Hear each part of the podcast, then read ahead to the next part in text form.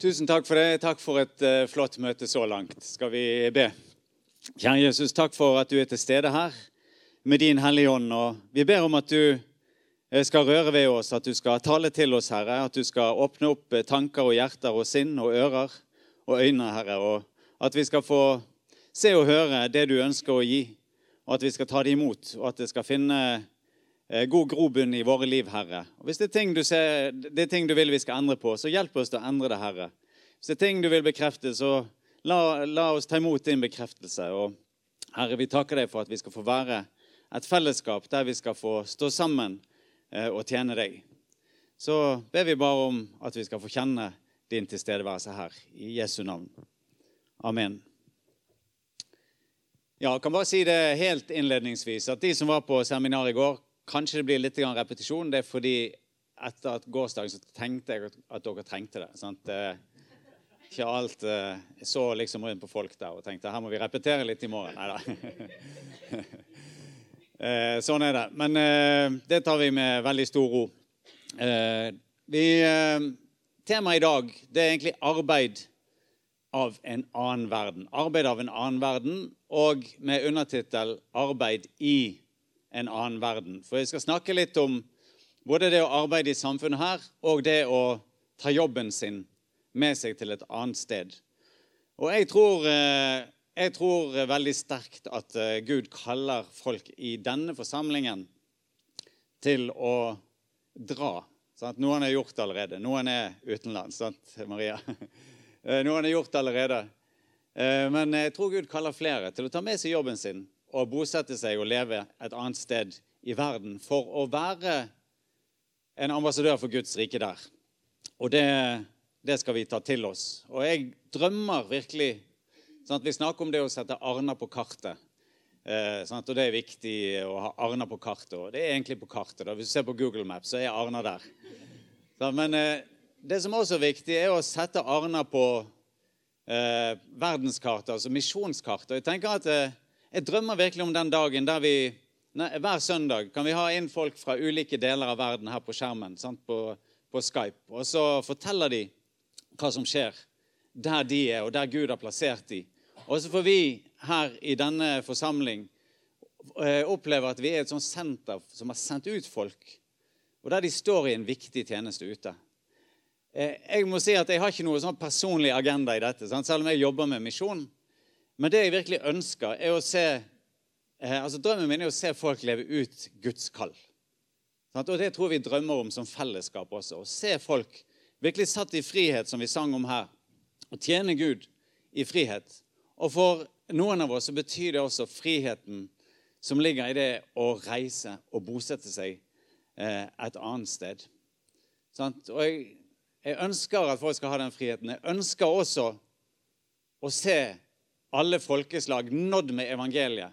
I den forstand at de får frihet til å ta imot Jesus. Sånn vi tvinger ingen. Vi tvinger ingen til å ta imot Jesus. Men vi legger fram et budskap som vi tror er godt, et budskap som gir liv. Og vi sier til folk dette tror vi på. Dette kan du prøve. Her tror vi kilden til liv eh, ligger. Og Hvis jeg skal si en sånn stor drøm som vi har i Tent, Sånn for vi jobber med å sende folk ut på arbeidsplassen. Så, så går det på dette at uh, vi ønsker å se en kristen kollega på enhver arbeidsplass i hele verden. Sånn, og der er det mye som mangler, for å si det sånn. sånn det er utrolig mange arbeidsplasser som ikke har en kristen kollega.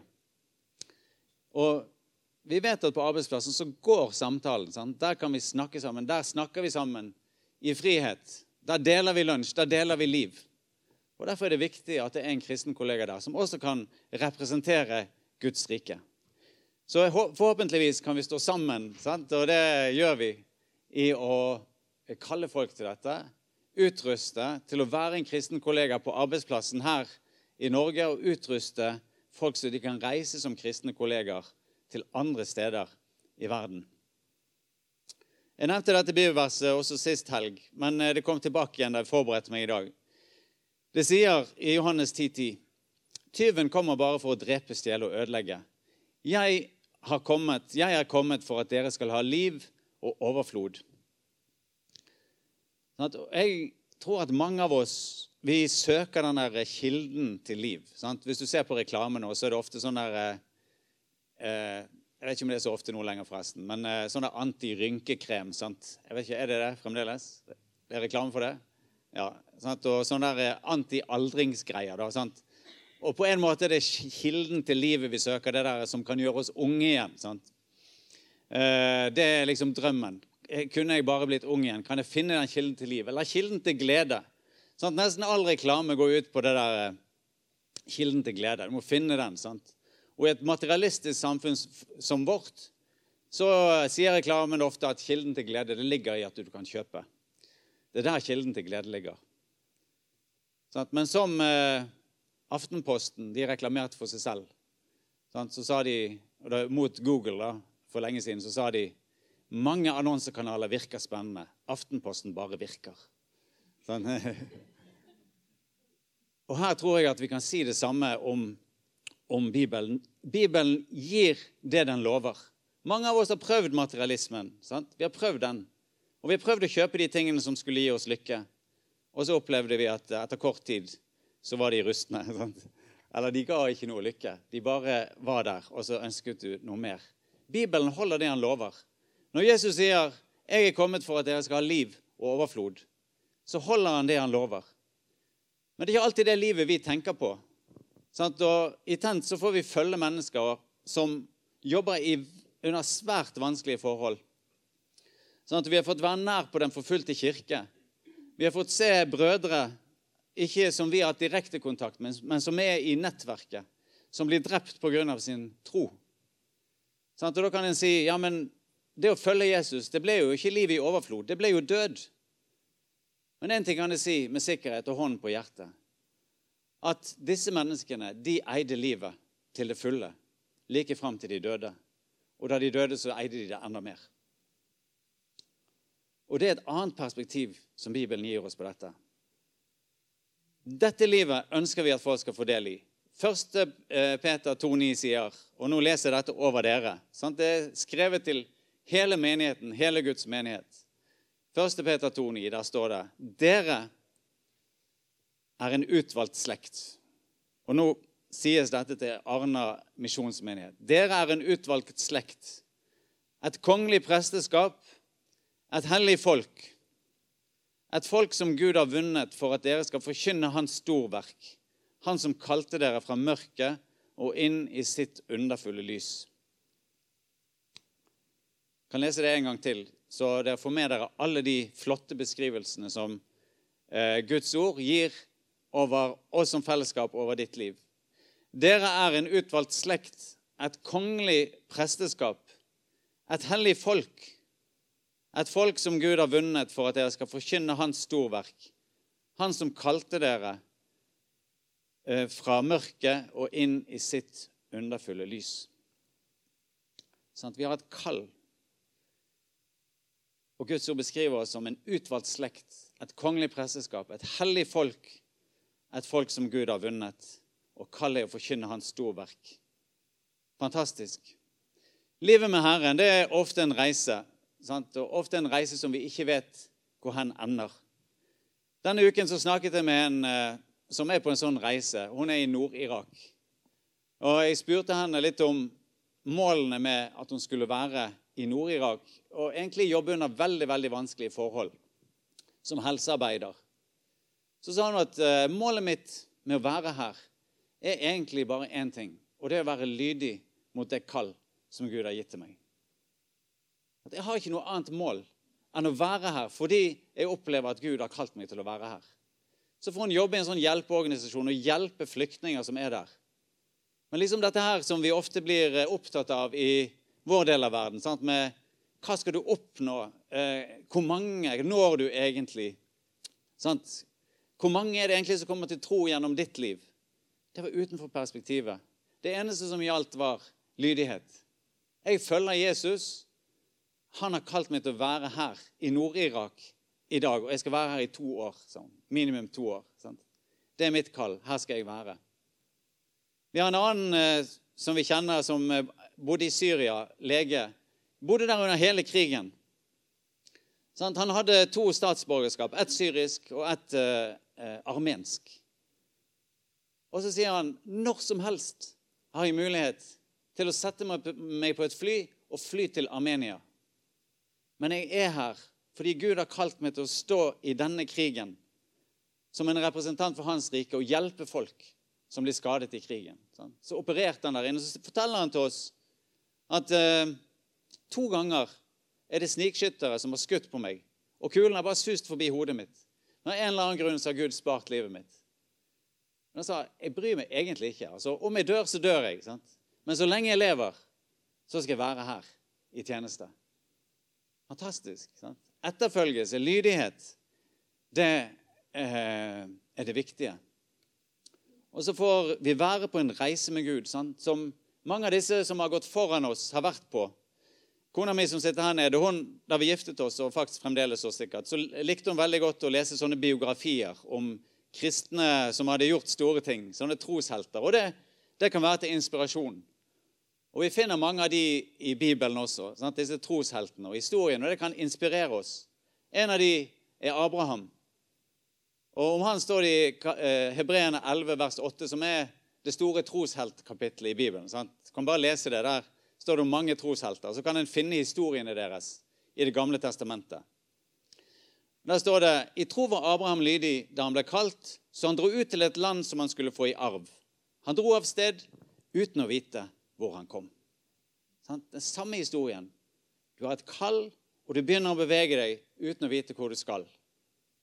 Hvordan er det mulig? Vel, det er mulig for Abraham, og det er mulig for oss. Fordi at som for Abraham så hadde han en sikkerhet i en relasjon og ikke en destinasjon. Sånn, relasjonen til Gud var det, var det viktige. Jeg er her, jeg drar, fordi jeg er en etterfølger av Jesus. Jeg ønsker å være en Guds ambassadør der jeg er. Det er ikke viktig hvor jeg kommer. Om jeg lever eller dør, det betyr ikke så mye. Sant? Det viktige det er at jeg hører Herren til. Lydighet, etterfølgelse. Det står i Hebreerne 11 også, og dette er et perspektiv vi kan ta til oss, om andre troshelter. Sant? Så står det I denne troen, sant? troen på det som skulle komme, døde alle uten å ha fått det som var lovet. Og Sånn er det for mange av oss. Vi beveger oss, men vi er liksom ikke helt der. De bare så det langt borte og hilste det. Og de kjente at de var fremmede og hjemløse på jorden. Er ikke det veldig flott? sånn vi er på vandring sånn Og vi vet hvor vi kommer fra, fordi at vi kommer fra Guds tanke. Han skapte oss. Og så vet vi hvor vi er på, vil, på, på vei. Sant? Vi er på vei til Guds fullendte rike. Det er destinasjonen vår. Og så får vi være som sånne fremmede og hjemløse som er på vandring her. Og det var disse trosheltene. Så står det, Når de taler slik, viser de klart at de lengter etter et fedreland. Hvis de hadde tenkt på det landet de dro ut fra, hadde de tid til å vende tilbake.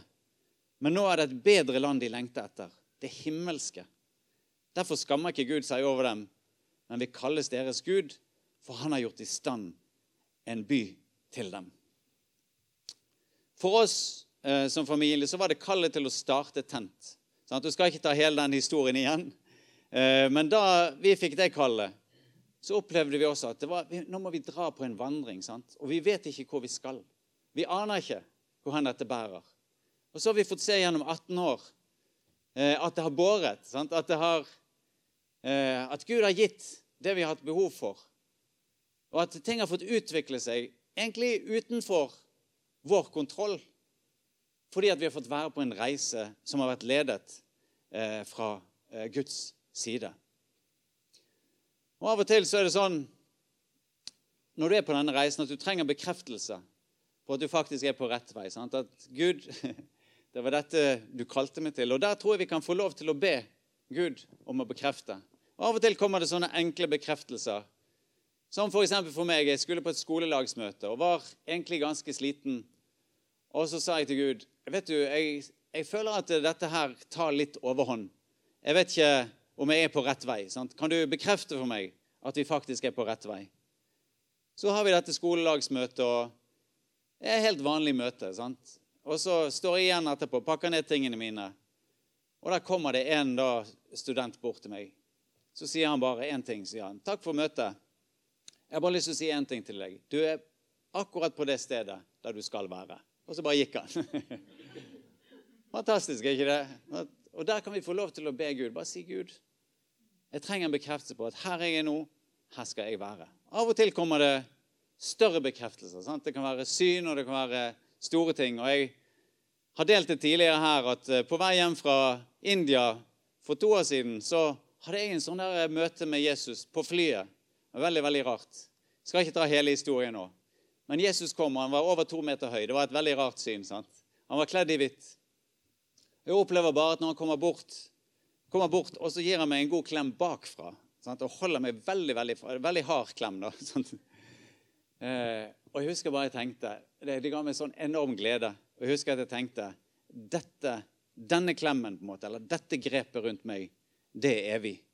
Og Jeg husker jeg satt der i flysetet og tenkte hvis noen dreper meg nå, så betyr det ingenting for meg.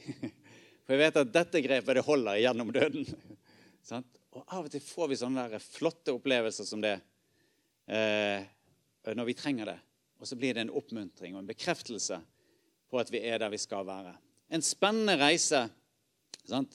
I det store og hele så reiser vi gjennom denne verden. Vi, fra Gud, vi er på vei, skapt av Gud, på vei til Hans fullendte rike. Og så skal vi få lov til å, å eh, oppfylle og gjøre det som Han har kalt oss til å gjøre mens vi er her.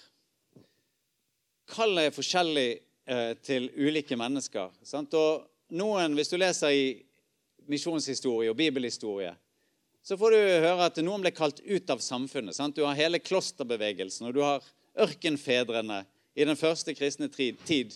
De bare dro ut i ørkenen for å være der og tilbe Gud. Og det var deres kall. Og fordi det var deres kall, så fikk det en veldig stor åndelig betydning i samfunnet. Folk begynte å strømme ut i ørkenen for å høre hva disse ørkenfedrene hadde å si. Mens kallet for de fleste av oss den går andre veien. Det går inn i samfunnet. Sant? Å være der i etterfølgelse til Jesus.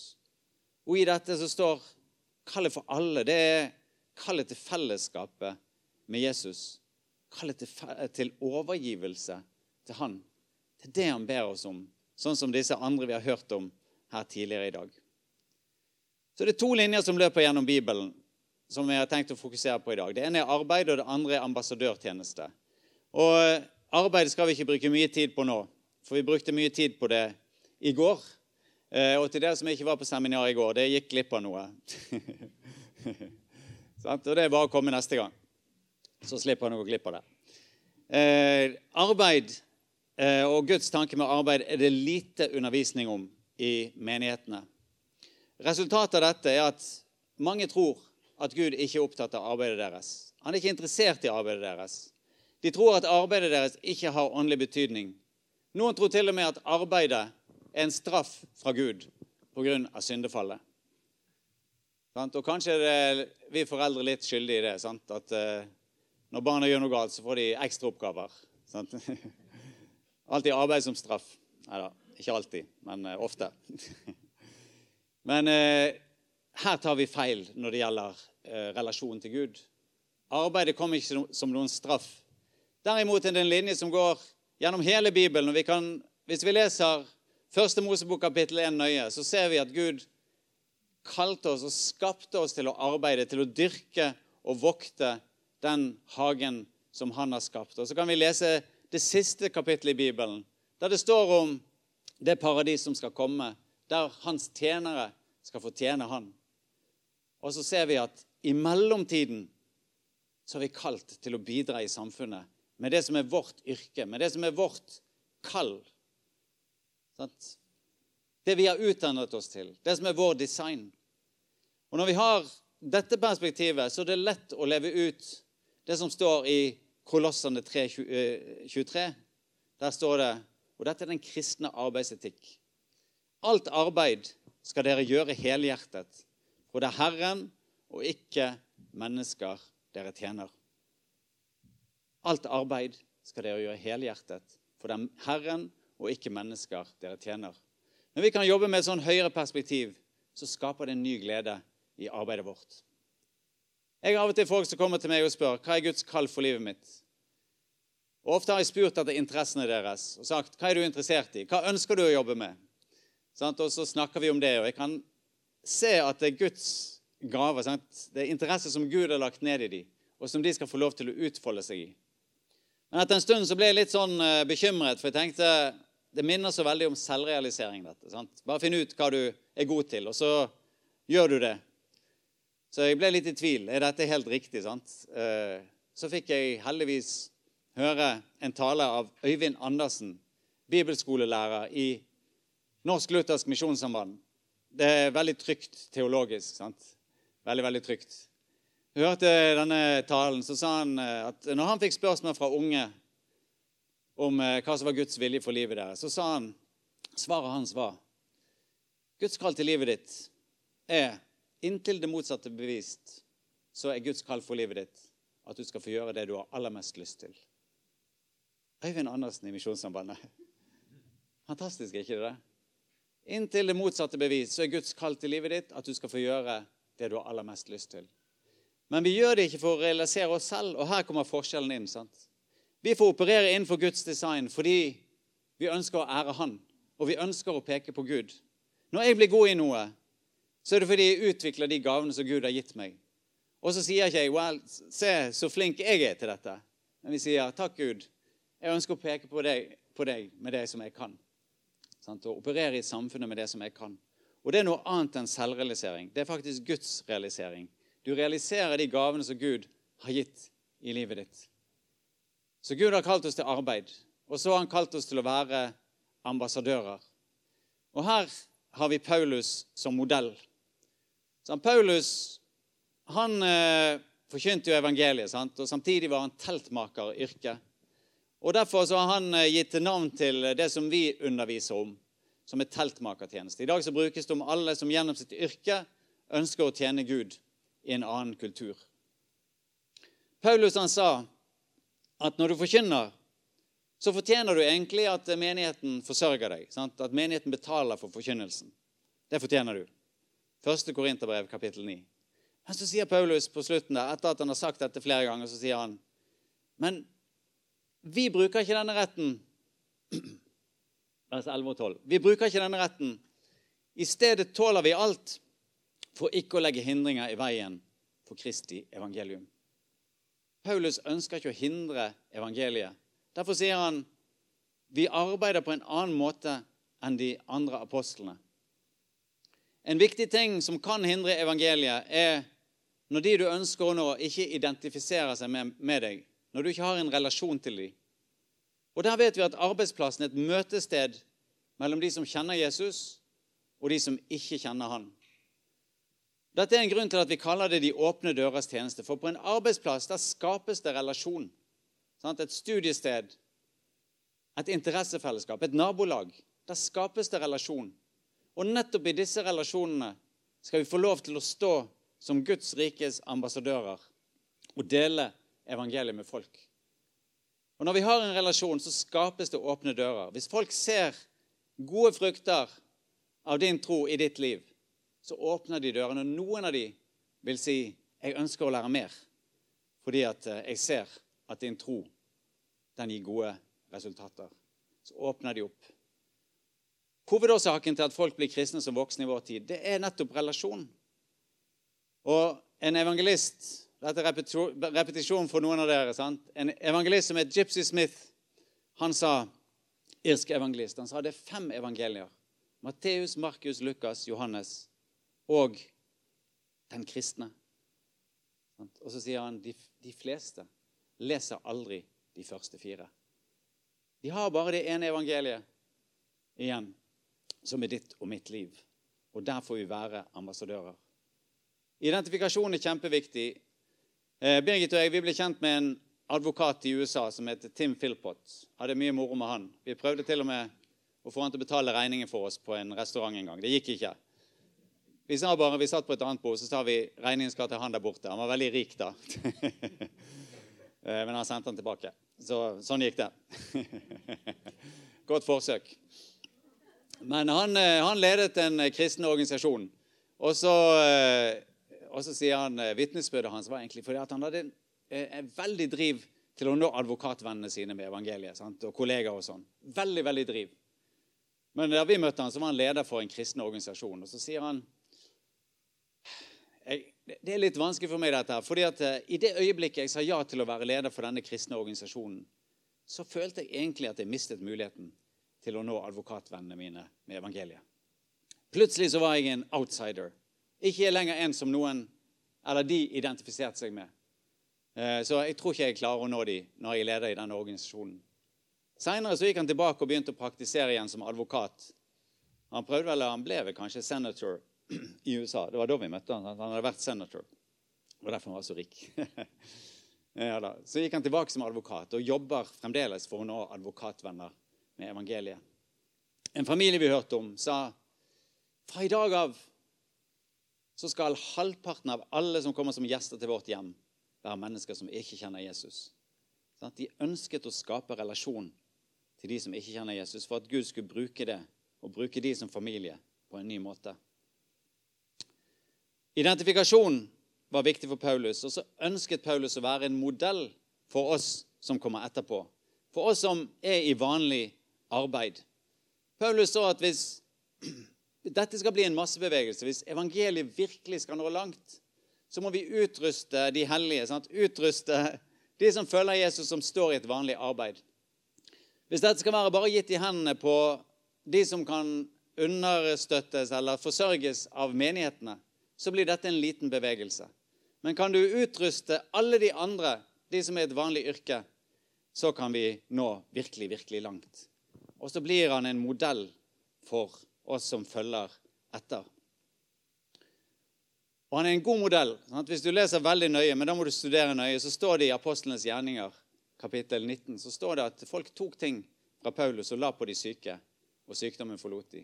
Og det de tok, var faktisk arbeidsforkleet hans og svetteduken som han brukte når han jobbet. Og Bare ut fra de to detaljene så skjønner vi at her er det folk som har møtt Jesus og møtt Paulus på arbeidsplassen hans. Sant? Og så tar de med seg arbeidsutrustningen. Hvis du jobber med kulepenn, så er det den de ville tatt. Jobber du med en datamaskin, så er det den de ville tatt. Jobber du med tavle og kritt på skolen, jeg vet ikke om en gjør det fremdeles, men da er det det de ville tatt. sant? Og brakt til de syke i håp om at sykdommen skulle forlate dem. Paulus delte evangeliet gjennom jobben. Og Sånn har det vært helt fra den første kristne tid. Sånn folk, Evangeliet har nådd fram, og folk har sagt Istedenfor å si Gud, jeg ønsker å tjene deg fulltid, så kan jeg finne en jobb i en kirke. Så sier de, Gud, jeg ønsker å tjene deg med hele mitt liv her jeg er akkurat nå. Og hvordan kan du bruke meg, og hvordan ser det ut? I dag så er det 7000 unådde folkeslag i verden. Det er veldig, veldig mange. Etter to, 2000 år etter at Jesus ga oss oppdraget med å nå alle folkeslag med evangeliet. Det er 7000 folkeslag som ikke har opplevd det som står i eh, Johannes evangeliet, vers 1, nei, kapittel 1, vers 14. sant? Ordet ble menneske og tok bolig iblant oss. Det er ingen kristne naboer der, ingen kristne kollegaer der.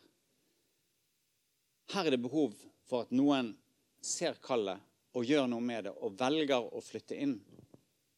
En oversettelse som heter The Message, sier året ble kjøtt og blod og flyttet inn i nabolaget vårt. Oversettelsen av det samme verset. Ordet ble kjøtt og blod og flyttet inn i nabolaget vårt. Det er Guds kall. Å befolke hvert nabolag. Sant? Å være en kristen kollega på enhver arbeidsplass så er det så mange i dag som ikke har én kristen nabo, ikke én kristen kollega. Jeg har selv kjørt i disse områdene. En gang kjørte vi to timer med buss. Og vennen min sa etter at vi har kjørt to timer, så sa han alle disse områdene som vi har kjørt gjennom, alle byene, alle tettstedene, har to ting til felles. Det finnes ingen kristen menighet. Det finnes heller ingen som jobber for å nå disse områdene med evangeliet. De er fullstendig unådde, og folk er født blir født, de vokser opp, de lever og de dør uten å ha noen mulighet til å bli kjent med Jesus. Hvem kan Gud bruke i denne type tjeneste? Gud kan bruke alle, uavhengig av yrke, uavhengig av alder. Vi har fått se og bli kjent med Bob og Faye Anderson, som tjente 21 år i Kina 21 år sammenhengende etter at de var blitt pensjonister. Hvis det er noen som sitter her nå og akkurat blitt pensjonist og tenker at nå er mitt tog gått for misjon, jeg kan ikke flytte utenlands. Bob og Faye Anderson de flyttet da de var 66. De bodde 21 år sammenhengende i Beijing, Kina, og tjente Gud der. Ikke tro at Gud kaller deg nødvendigvis fordi du er blitt pensjonist, til å sitte i ro her. Sant? Kanskje er det et hjem for deg et annet sted. Kanskje er du en ung student. Gud kan ha et kall for deg til å studere et annet sted og være der på et universitet som mangler eh, kristne. Så trenger vi ikke å frykte når Gud kaller. Husk at vi har vår trygghet i en relasjon sant, og ikke i en destinasjon. Vi har vår trygghet i relasjonen til Jesus, han som sa 'Jeg er med dere alle dager'. Og det betyr alle dager. Hver, hver eneste dag inntil verdens ende. Så er det mange som har gått foran oss i dette. Vi nevnte Nord-Irak. Kan nevne Kina. Et ektepar som lever i Nord-Kina. Underviser på universitet. Bruker alfakurset sant, til å nå ut til naboer og venner. Eh, Birgit snakket akkurat med dem og gjorde intervjuer. og Nå sa de at nå, de følte virkelig at nå hastet det å nå ut med evangeliet. Så hadde de funnet ut at nå skulle de be 30 dager, var det det? Tre uker for en og samme person. Og så skulle de rett og slett bare utfordre den personen til å ta imot Jesus. For det haster. Det haster å nå ut med evangeliet. Vi må invitere inn. Vi har eh, en annen som heter Dwight, som driver business i Kina. Hørte på han, Han driver business på et ganske høyt plan. og Så starter fabrikker og sånn. og spurte han, fordi De trenger høy kvalitet i produksjonen sin. De produserer bl.a. Eh, antenner for eh, Samsung eh, mobiltelefoner. Så hvis du har en sånn Samsung-telefon, så kan det hende du har en antenne fra Kina eh, som er laget i en fabrikk som er eid av denne teltmakeren, denne forretningsmannen, kristne forretningsmannen. Så sa han at eh, Samsung de kjøper bare antenner fra tre fabrikker i hele verden. Du må virkelig ha høyeste industrielle kvalitet for å kunne få lov til å levere. Det er nesten umulig sa han, å oppnå i Kina. Men vi trener folkene våre så vi klarer det. Så spurte jeg han, hvordan trener dere de? Så sa han det er veldig enkelt. Vi bruker de ti bud. Det var svaret hans. Vi bruker de ti bud. Vi går gjennom de ti bud, og så hjelper vi folk til å ta ansvar for produksjonen og for livet sitt. Og så blir det sånne life skills som du snakket om. Eller, at vi hjelper folk til å, å klare livet og gjøre en god jobb. Han har gått foran. Filippinske hushjelper som jobber i Midtøsten, i India, de har gått foran oss, og de lever der som kristne vitner. Uavhengig av alder, uavhengig av yrke, så kan Gud bruke deg. Så jeg har lyst til å slutte med noe som har nevnt før her, men eh, det gjør ingenting å nevne det igjen. Og det er at når vi sier ja til å delta i Guds misjonsarbeid både lokalt og internasjonalt, så er vi en del av vinnerlaget. Sant? Vi er med på vinnerlaget. I kveld så er det kamp på stadion mellom Brann og Rosenborg.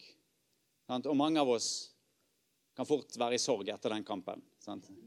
Fremdeles lever vi i håpet, men eh, etterpå kan det være stor sorg. Det, det, fine er når du melder deg for eh, Guds misjon, er at du blir en del av vinnerlaget. Skal vi lese to bibelvers? Det ene står i Apostlenes gjerninger 1,8. Der står det Dere skal få kraft når Den hellige ånd kommer over dere, og dere skal være mine vitner i Jerusalem og i hele Judea, i Samaria og helt til jordens ende kan lese det en gang til, og da leser det over oss som er her. Dere skal få kraft når Den hellige ånd kommer over dere. Og dere skal være mine vitner i Jerusalem og hele Judea, i Samaria og helt til jordens ende. Her kan vi legge inn eh, vil ikke endre bibelteksten, men vi kan legge inn Arna, som er vårt nærmiljø. Og vi kan legge inn Hordaland, og vi kan legge inn Vestlandet. Og vi kan legge inn Norge og Europa og verdens ende. Vi er alle kalt til det. Åpenbaringen 7, vers 9, der står det Deretter så jeg en skare så stor at ingen kunne telle den, av alle nasjoner og stammer, folk og tungemål. Og de står der foran Guds trone og lovpriser Herren. Alle nasjoner og stammer og folk og tungemål skal være representert der. ikke det er fantastisk? Evangeliet skal nå ut til hele verden. Vet dere at Bare i India i dag så har du over 2000 unådde folkeslag. Hver og en av de folkegruppene skal være representert foran Guds trone i evigheten. Og jeg tror det må være fantastisk og får komme der foran Guds trone, og kanskje kommer noen bort til deg, så sier de Takk for at du var lydig. Takk for at du var lydig. Eh, og kom til vår folkegruppe. Se den store delegasjonen som nå er her fra vårt folk. Fordi at du var lydig mot det kallet som Jesus Kristus eh, ga til deg. Vet dere, Det er et stort privilegium å få leve etter at oppdraget ble gitt, og før det er fullført. Å få lov til å bare si Jesus, her er jeg, send meg. Jeg ønsker å være en del av ditt vinnerlag. Skal vi be? Kjære Jesus, takk for, igjen for eh, denne dagen, og takk for det vi har fått dele her. Takk for dine ord til oss, og takk for ditt kall til oss, Herre. Så ber vi om at eh, vi med glede eh, må eh, ta til oss dette kallet. Vi ber om at du gir oss øyne som ser ting sånn som du ser de, Herre. At vi er skapt, eh, at vi er på reise her i verden, Herre, og at vi har en destinasjon som er hos deg. Og så lenge vi er på reise og lever her, så hører vi deg til. Og vi ber om at vi kan leve i overgivelse til deg, Herre. At det skal være vårt perspektiv. At vi skal gå inn og studere i Bibelen bare og la ditt eh, oppdrag, ditt perspektiv, være vårt perspektiv, Herre. Og at eh, vi også, som det står om Abraham og mange av de andre, at vi skal ha vår trygghet i den relasjonen til deg. Og takk for dine løfter, Jesus, at du har sagt at du vil være med oss hver eneste dag inntil verdens ende. Så vet vi at noen av oss blir kalt eh, til høye posisjoner i samfunnet. og eh, Andre blir kalt til å tjene i nabolaget, Herre. Og noen blir kalt til å tjene de fattigste av de fattige. Noen blir kalt til å reise, noen blir kalt til å bli. Eh, men det legger ikke vi oss opp i, Herre, som hvordan du kaller, men vi bare vil leve i det kallet du gir. Og Herre, gi oss den overgivelsen, så der vi sier, Herre, her er vi, send oss uansett hvor hen du ønsker at vi skal dra. Og at vi også kan si, Herre, eh, om vi lever, så lever vi for Herren. Om vi dør, så dør vi for Herren. Og enten vi da lever eller dør, så hører vi Herren til. I Jesu navn. Amen.